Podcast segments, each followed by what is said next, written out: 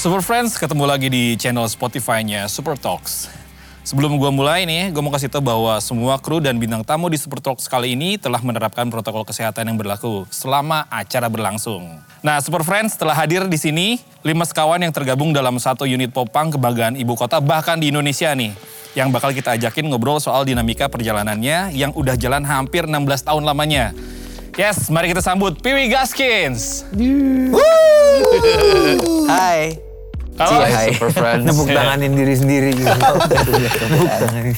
Yeah. Ya emang harus bangga dong, Pip. Lo apa kabar Sansan, Doci, Omo, Baik. Ai, dan Aldi? Baik. Baik. Baik. Oke gimana kemarin konser Sophomore? Masih senang-senang dengan suasana yang sama, terus penonton apa lagu-lagunya ya? Gimana ya perasaannya kemarin pas eh, launching sophomore? Launching Launching perayaan selebrasi sophomore. Selebrasi setelah albumnya rilis 14 tahun. 14 tahun yang lalu itu rasanya masih eh, masih nggak nyangka sih bisa ketemu sama teman-teman yang dulu waktu pertama kali showcase bahkan ada yang masih SD tapi kemarin eh, Masih udah SD. masih SD Tetap masih udah udah ada yang punya anak terus datang sama anaknya juga terus Iya, iya, iya, eh, apa namanya ada yang udah lama nggak nonton Piwi terus akhirnya kemarin datang terus masih bisa connect juga gitu semuanya masih ini sih ya masih Sama yang ini dong, apa? Overwhelm. geng, geng Dorks. Oh iya sama kemarin juga Original. ketemu sama eh, anak-anak sekolah yang dulu ngasih ide nama fansnya itu Party Dorks. Kemarin ada orangnya. Kalian tuh kan udah 16 tahun jalan ya, SPW Gaskins gitu ya. Masih dengan eh, member yang sama dari hari pertama sampai hari ini tuh, bosan nggak sih? Eh kita 16 tahun ya? 16. Tahun Iya, ini 16. Tahun ini 16. Sweet Seventeen Bosan bikin nggak apa sih nggak? 16 tahun sama Piwi? Gua belum bosen sih, kayaknya. Kok kayaknya sih? Parah, pernah. Ah, itu kadang-kadang bosen sih. ya kalau kalau bosen atau nggak bosen sih sebenarnya kan normal aja ya. Hmm. Tapi eh, kalau di Piwi itu enaknya bebas aja mau explore gitu. Kalau misalnya lagi BM banget bikin sesuatu yang eh, nggak masuk sama Piwi ya udah sok Ya lu bikin aja bikin gitu. aja gitu. Tapi nanti supaya masuk ke dalam piwi lagi gitu lagi jadi malah malah refresh gitu, malah, malah bisa dapet eh, apa unsur-unsur baru yang sebelumnya nggak kepikiran karena Kan jadi kayaknya mesti dikeluarin kan biar ah, sama lega. sama ini sih sama work life balance-nya itu sehat banget, masih bisa ngabisin waktu sama keluarga juga. Terus punya temen di di luar dari circle eh, Piwi Gasin sendiri. Jadi kayaknya itu sih yang bikin 16 tahun masih masih aman. Ini mungkin bisa dimulai dari Doci nih ya, yang jadi inisiator gitu. Boleh cerita sedikit gimana terbentuknya Piwi Gaskins? awalnya PW Gaskins itu eh, tahun 2007 kebetulan gue masih bantuin Sansan waktu itu. Sansan ada di Killing Me Inside terus gue di situ kadang-kadang jadi eh, gantiin gitarisnya. Kalau salah satu nggak bisa main gue yang main gitarnya. Terus ya udah ngumpul-ngumpul dan waktu itu nggak punya band lain. Sampai akhirnya eh, iseng bikin satu apa satu recording gitu lagunya yang jadi lagu lagu Piwi Gaskins pertama yaitu Hero Pandiatek dulu tahun 2007 itu Terus eh, kepikiran kayaknya enak nih dijadiin band. Ya orang pertama yang gue ajak waktu itu Sansan. Terus eh, tapi dari awal gue bilang sama Sansan, tapi lu jangan nyanyi doang San. Eh, lu harus harus main gitar dan sebelumnya dia nggak pernah. Lu nggak pernah kan ya berarti ya? Nggak pernah dan nggak bisa. Dia nggak pernah dan punya bisa. gitar lagi gue. Ah, tapi I believe in him dari awal gitu. Bisa lo main gitar sambil nyanyi. Jadi ya udah di album pertama di situ ada synthesizer-nya karena secara kebetulan pas lagi recording ada alatnya. Jadi gue masukin ke dalam eh, rekaman itu. Terus waktu itu di antara pertemanan band-bandan itu yang Satu skena lah. ya satu karena yang piawai gitu main keyboardnya waktu itu Omo. Jadi gua gua ngincar Omo nih, ngisi ngisi ngisi keyboard terus waktu itu eh, basisnya kebetulan basis gua dari band yang lama. Ya itu si Telor. Nah itu tuh pergantiannya cuma di situ doang. Jadi awalnya ada Omo, ada Sansan, ada gua dan ada Telor. Drummernya waktu itu masih cabut-cabutan, masih drummer Killing Inside juga kan dulu Iya, Davi kan. Davi. Sampai akhirnya muncul nih si Aldi dari eh, di- dari MySpace eh, menawarkan diri. Dia punya band dulu, band eh, band punk lah ya. Gua ngeliat, gua dengerin beberapa materinya dia, mainnya juga enak, singkup-singkupnya enak. Ya udah akhirnya jalan bareng segala macem. Terus rilis si apa? EP, Stories, ya Stories EP-nya, from Our EP, School EP, Years. EP 5 lagu itu pas udah habis launching baru ditanyain ini bandnya kan tadinya kan cuman band band proyekan doang kan semuanya kan punya band Band side project. band side project ya Sama terus Doci side a- project. abis itu eh, akhirnya si basisnya si Telur bilang mau fokus di band yang yang satu lagi band-band band ininya lagi ya udah akhirnya kita nyari nyari posisi eh, apa untuk gantiin Telur masuklah Mas Ai waktu itu itu udah udah udah eh, 2000 masih 2008 ya? 2000, ya 2008 Mas Ai awal. dipaksa main bass waktu Nah, pokoknya tahun tahun kedua PW Gaskins, Ai masuk dan sejak itu nggak pernah ganti-ganti. Cuman tukeran posisi doang karena waktu itu yang keluar basis, Ai jadi basis, tapi setelah berjalan dia emang awalnya gitaris dan emang lebih bagus main gitarnya akhirnya gue ambil alih aja gue main bass dia main gitar gitu Ini untuk semua ya, kecuali Doci nih ya. itu udah gak boleh jawab Eh, kalian semua tuh mau gitu diajak Doci masuk PWG tuh karena apakah saat itu Popang lagi rame atau ada eh, apa faktor lain gitu? Justru waktu itu Popang belum Belum. semasif, iya waktu masif itu ya. malah iya benar. Iya. Malah belum ada tuh nama Popang waktu itu. Semuanya Masih power pop. Power pop ya waktu itu masih sebutannya. Kalau ya gue mau main sama emang gue udah kenal Doci lumayan lama. Terus habis itu disuruh main kayak gitu kayak menarik juga nih. disuruh ditodong main gitar pula gitu kan. Ya udah, digas aja kalau gue. sama capek juga tenggorokan lu ya San ya teriak-teriak terus Lumayan ya sekarang udah nggak mampu gue jompo. Kalau gue sih sebenarnya karena kan gue mungkin yang nggak satu circle sama Doci kan, sama Sansan. Emang nggak kenal, jadi pertama kali emang gue dibawa. Oh, iya ya? Gua iya. tahu. Karena gue dulu di pinggiran kota, terus em, istilahnya kalau main di acara tuh kan kalau di acara komunitas tuh ada yang main siang pertama-tama, ada yang main malam. Nah mereka semua nih kayak main malam gitu kan. Terus ngerasa tertantang aja ketika gue ngeband sama eh, personil band yang gue juga dengerin gitu. Jadi kalau bisa dibilang gue merhatiin Doci, gue merhatiin Sansan gitu. Main sama abang-abangan gitu ya. Ya? Ah, ah. karena kan gue paling muda. Nah, gue ngeliat si Piwi ini tuh eh, promosinya dari internet banget dan itu kayak menarik aja gitu kalau kalau kalau gue bisa berkontribusi di eh, caranya si Piwi di era internet itu gitu. waktu itu si Doci ngajak si Telur basis kita yang pertama itu akhirnya merekomendasikan gua sebagai keyboard gitu kan Ah, pada saat itu sih si band metal gua sama si Telur itu lagi sering main sebenarnya terus lambat laun ini kita bareng nih semuanya nih si Piwinya lama-lama apa akhirnya sering main juga gitu ya sampailah pada waktunya gua harus memilih Asik. ya gua milih di Piwi gitu. Kalau gue sih udah langsung mau lah, udah nggak pakai babi bu lagi. Karena pengen Karena motor emang udah itu ya. mengharapkan banget punya band, punya band apa dengan tipe Terkenal. musik, tipe musik kayak gitu. Nah, apakah kalian dulu tuh main band zaman awal EP ya, yang Stories from Our High School Years itu niatnya cuma untuk senang-senang gak sih? Nyangka gak sih bakal, wah jalan sampai sekarang nih gitu. Sampai sekarang kita masih senang-senang mainnya. Masih rasanya sampai Emang aimingnya aimingnya ke situ selalu gimana caranya kalau misalkan lo ngelakuin ini dengan senang kan pasti energi yang nyampe ke crowd juga menurut gua positif juga jadi happy juga. Jadi intinya senang-senang, sisanya itu bonus gitu Iya, ya. iya. Tapi kalau gue emang ada mimpi sih dulu sebenarnya oh iya. kalau gue pribadi Mau jadi memang superstar gitu. gue dari Wangsit. dari dari SF dari S dari SD itu kan udah belajar belajar terus SMP udah mulai ngeband emang ada mimpi pengen punya band yang serius gitu Boleh diceritain nggak eh, di balik pembuatan album The Sophomore yang fenomenal nih? Itu waktu itu kebanyakan aransemen dan lain-lain di bikinnya di studio Gajah punyanya Uncle ya, Uncle Abah Jaya. ya? Abah, Abah. Om Abah, Abah Jaya Rocks. Yang di album Sophomore kan masih main gitar kan. Jadi kan kalau gue tuh lebih suka gitar tuh layer-layer aja semuanya banyak banyak banyak gitu, layer ya? banyak layer ya. Pas dimainin lupa ganti, aja ganti kuncinya. kuncinya juga gantinya banyak. Terus abis itu kata-katanya juga lebih panjang daripada album-album lainnya. Penggalan-penggalannya segala macem. Karena emang lagi lagi pol-polan pengen bikin aja gitu. Jadi jadinya ya kayak gitu jadi sophomore. Dan itu sempet eh, satu album itu sempat kita agak males bawain karena itu tadi isiannya ribet, terus nyanyinya juga lebih susah gitu. Iya, Tapi begitu tinggi. kemarin dibawain lagi kok ternyata fun ya kayak gini ya karena udah udah lama tuh formula itu nggak pernah dilakuin lagi. Iya, emang. Kemarin pas lagi manggung di acara selebrasi sophomore itu ada lirik ini ya apa? High school, is almost, over. Tapi yang nyanyi udah tua. iya, gue gue nyanyinya tuh berasa kayak nggak pantas aja lah gue nyanyi gitu lagi sekarang. Iya, tapi jadi jadi apa? Jadi ngebawa memori pas mereka dulu masih SMA pertama kali dengerin Piwi juga gitu dan waktu itu Piwi juga bawain itu ya brings back memori itu juga gitu. Kalau masalah relevansinya kan kayaknya masih banyak itu bisa sekolah itu kan intinya kan kayak simulasi dunia yang sekarang ini ya. Jadi apa pun yang terjadi di sekolah tuh sebenarnya perjuangan-perjuangannya masih relevan sama apa yang kita lakuin sekarang gitu.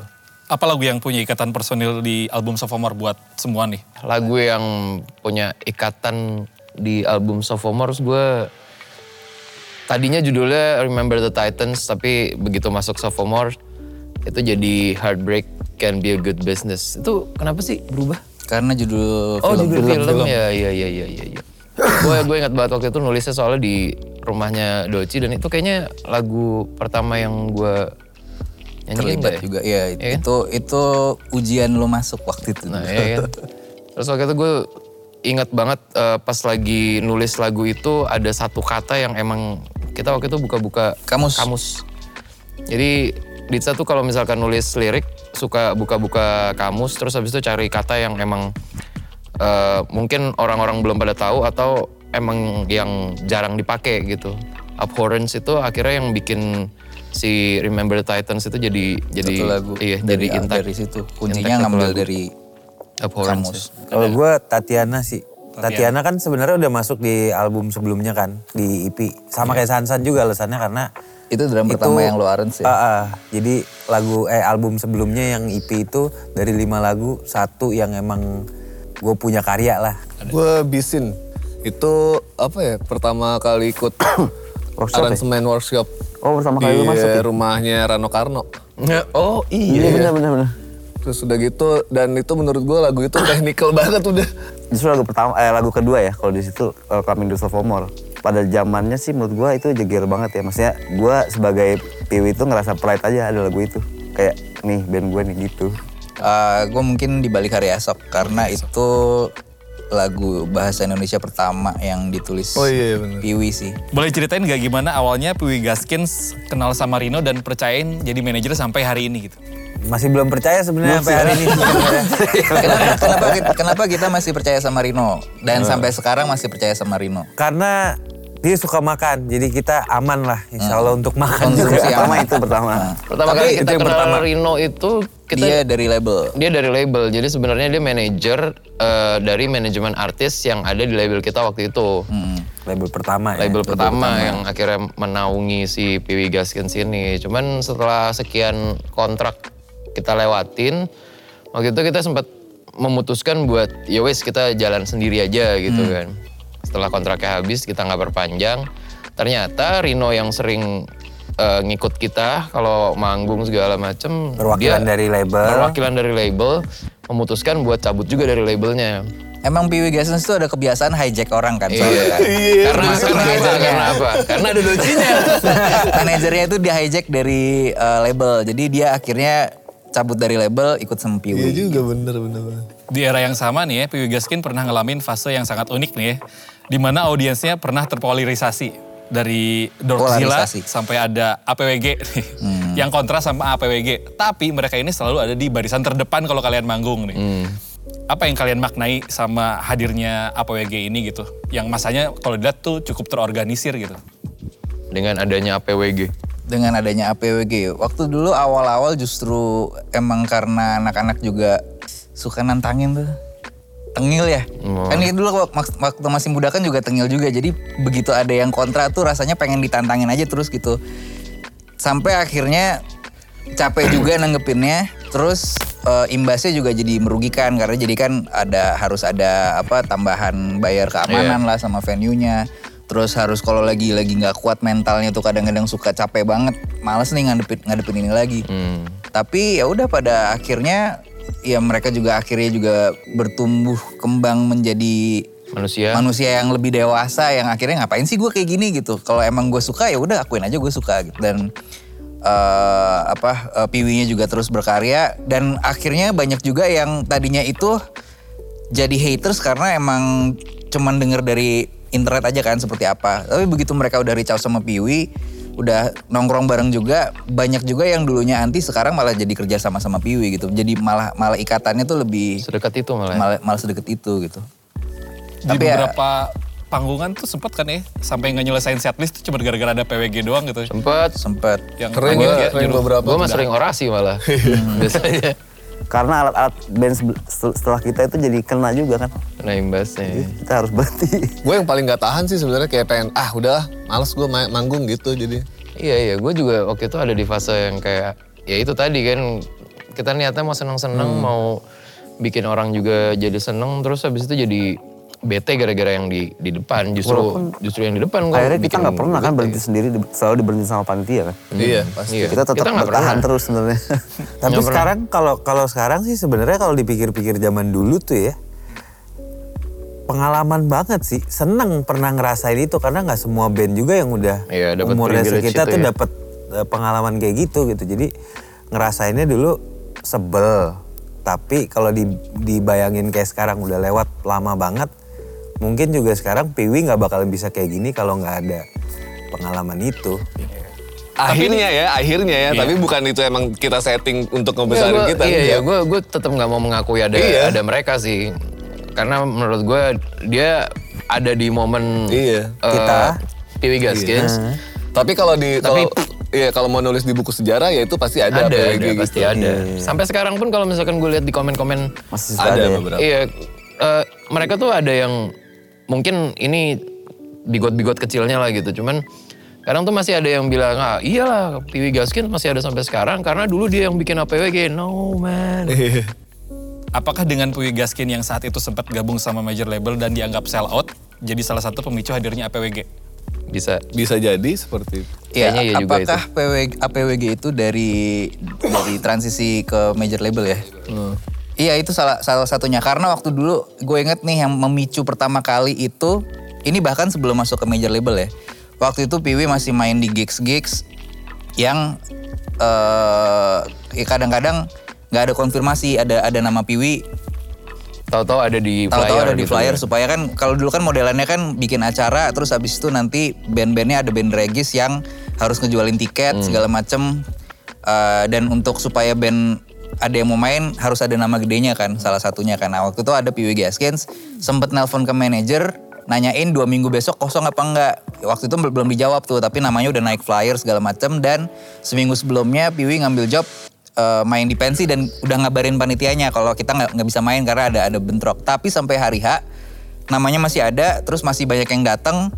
Terus Piwinya nggak main, tahu taunya main di pensi. Nah dari situ sell out itu dari situ justru belum sebelum masuk ke label. Wah sekarang Piwi udah nggak mau main komunitas lagi nih, maunya yang Pensi, pensi segala macam gitu-gitu gitu. Nah ditambah lagi abis itu eh, masuk eh, segala musik pagi lah segala macam semakin banyak juga yang jadi tahu tapi nggak kayak apa ya ya cuman ngikutin tren doang ya Tahu akhirnya tapi nggak kenal gitu. Mm-mm, gitu jadi akhirnya ya ada itulah ada ada kayak ah udah jadi ini nih band yang udah nggak gua-gua doang yang tahu gitu Faktanya kalau band semakin besar kan semakin sell out ya maksudnya. iya iya Pasti. Otomatis kan. Iya iya otomatis kan. Hmm. Sebenarnya sell out gak sih buat lo semua menyadari ah begini sell out gitu. Kalau dalam hati menyadari gitu. Eh, Enggak, gua. enggak sih karena justru kalau Piwi itu dari awal advoka- advokasinya adalah ngasih tahu ke orang kalau di major label Bisa. lo harus bisa yang jadi suara mayoritas ya gitu karena kalau misalnya mau diganti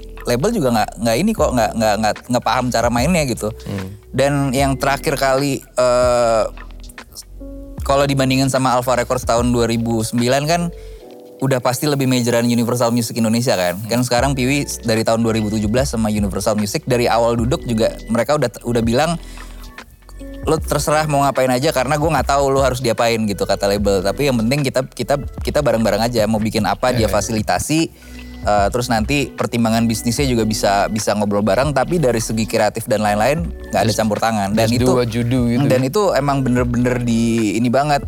Selain selain Piwi ada Superman Estate juga sama ngelakuinnya kayak gitu. Dan ya beruntung juga ya punya posisi itu gitu maksudnya secara band juga nggak yang gede-gede banget tapi ngejalaninnya masih seneng banget gitu Oke. Nah, Super Friends, baru aja kita bahas cerita awal perjalanan karir bermusik Piwi Gaskin dan dinamika APWG-nya juga ya yang dia tanggapi. Super Friends, kita masih punya obrolan seru bareng Piwi Gaskin yang bakal kita bahas di Super Talks episode berikutnya. Sekian dulu buat ngobrol bareng Piwi Gaskins di Super Talks bagian yang pertama. Karena kita bakal balik lagi ngebahas fakta-fakta menarik bareng Piwi Gaskins di Super Talks bagian yang kedua.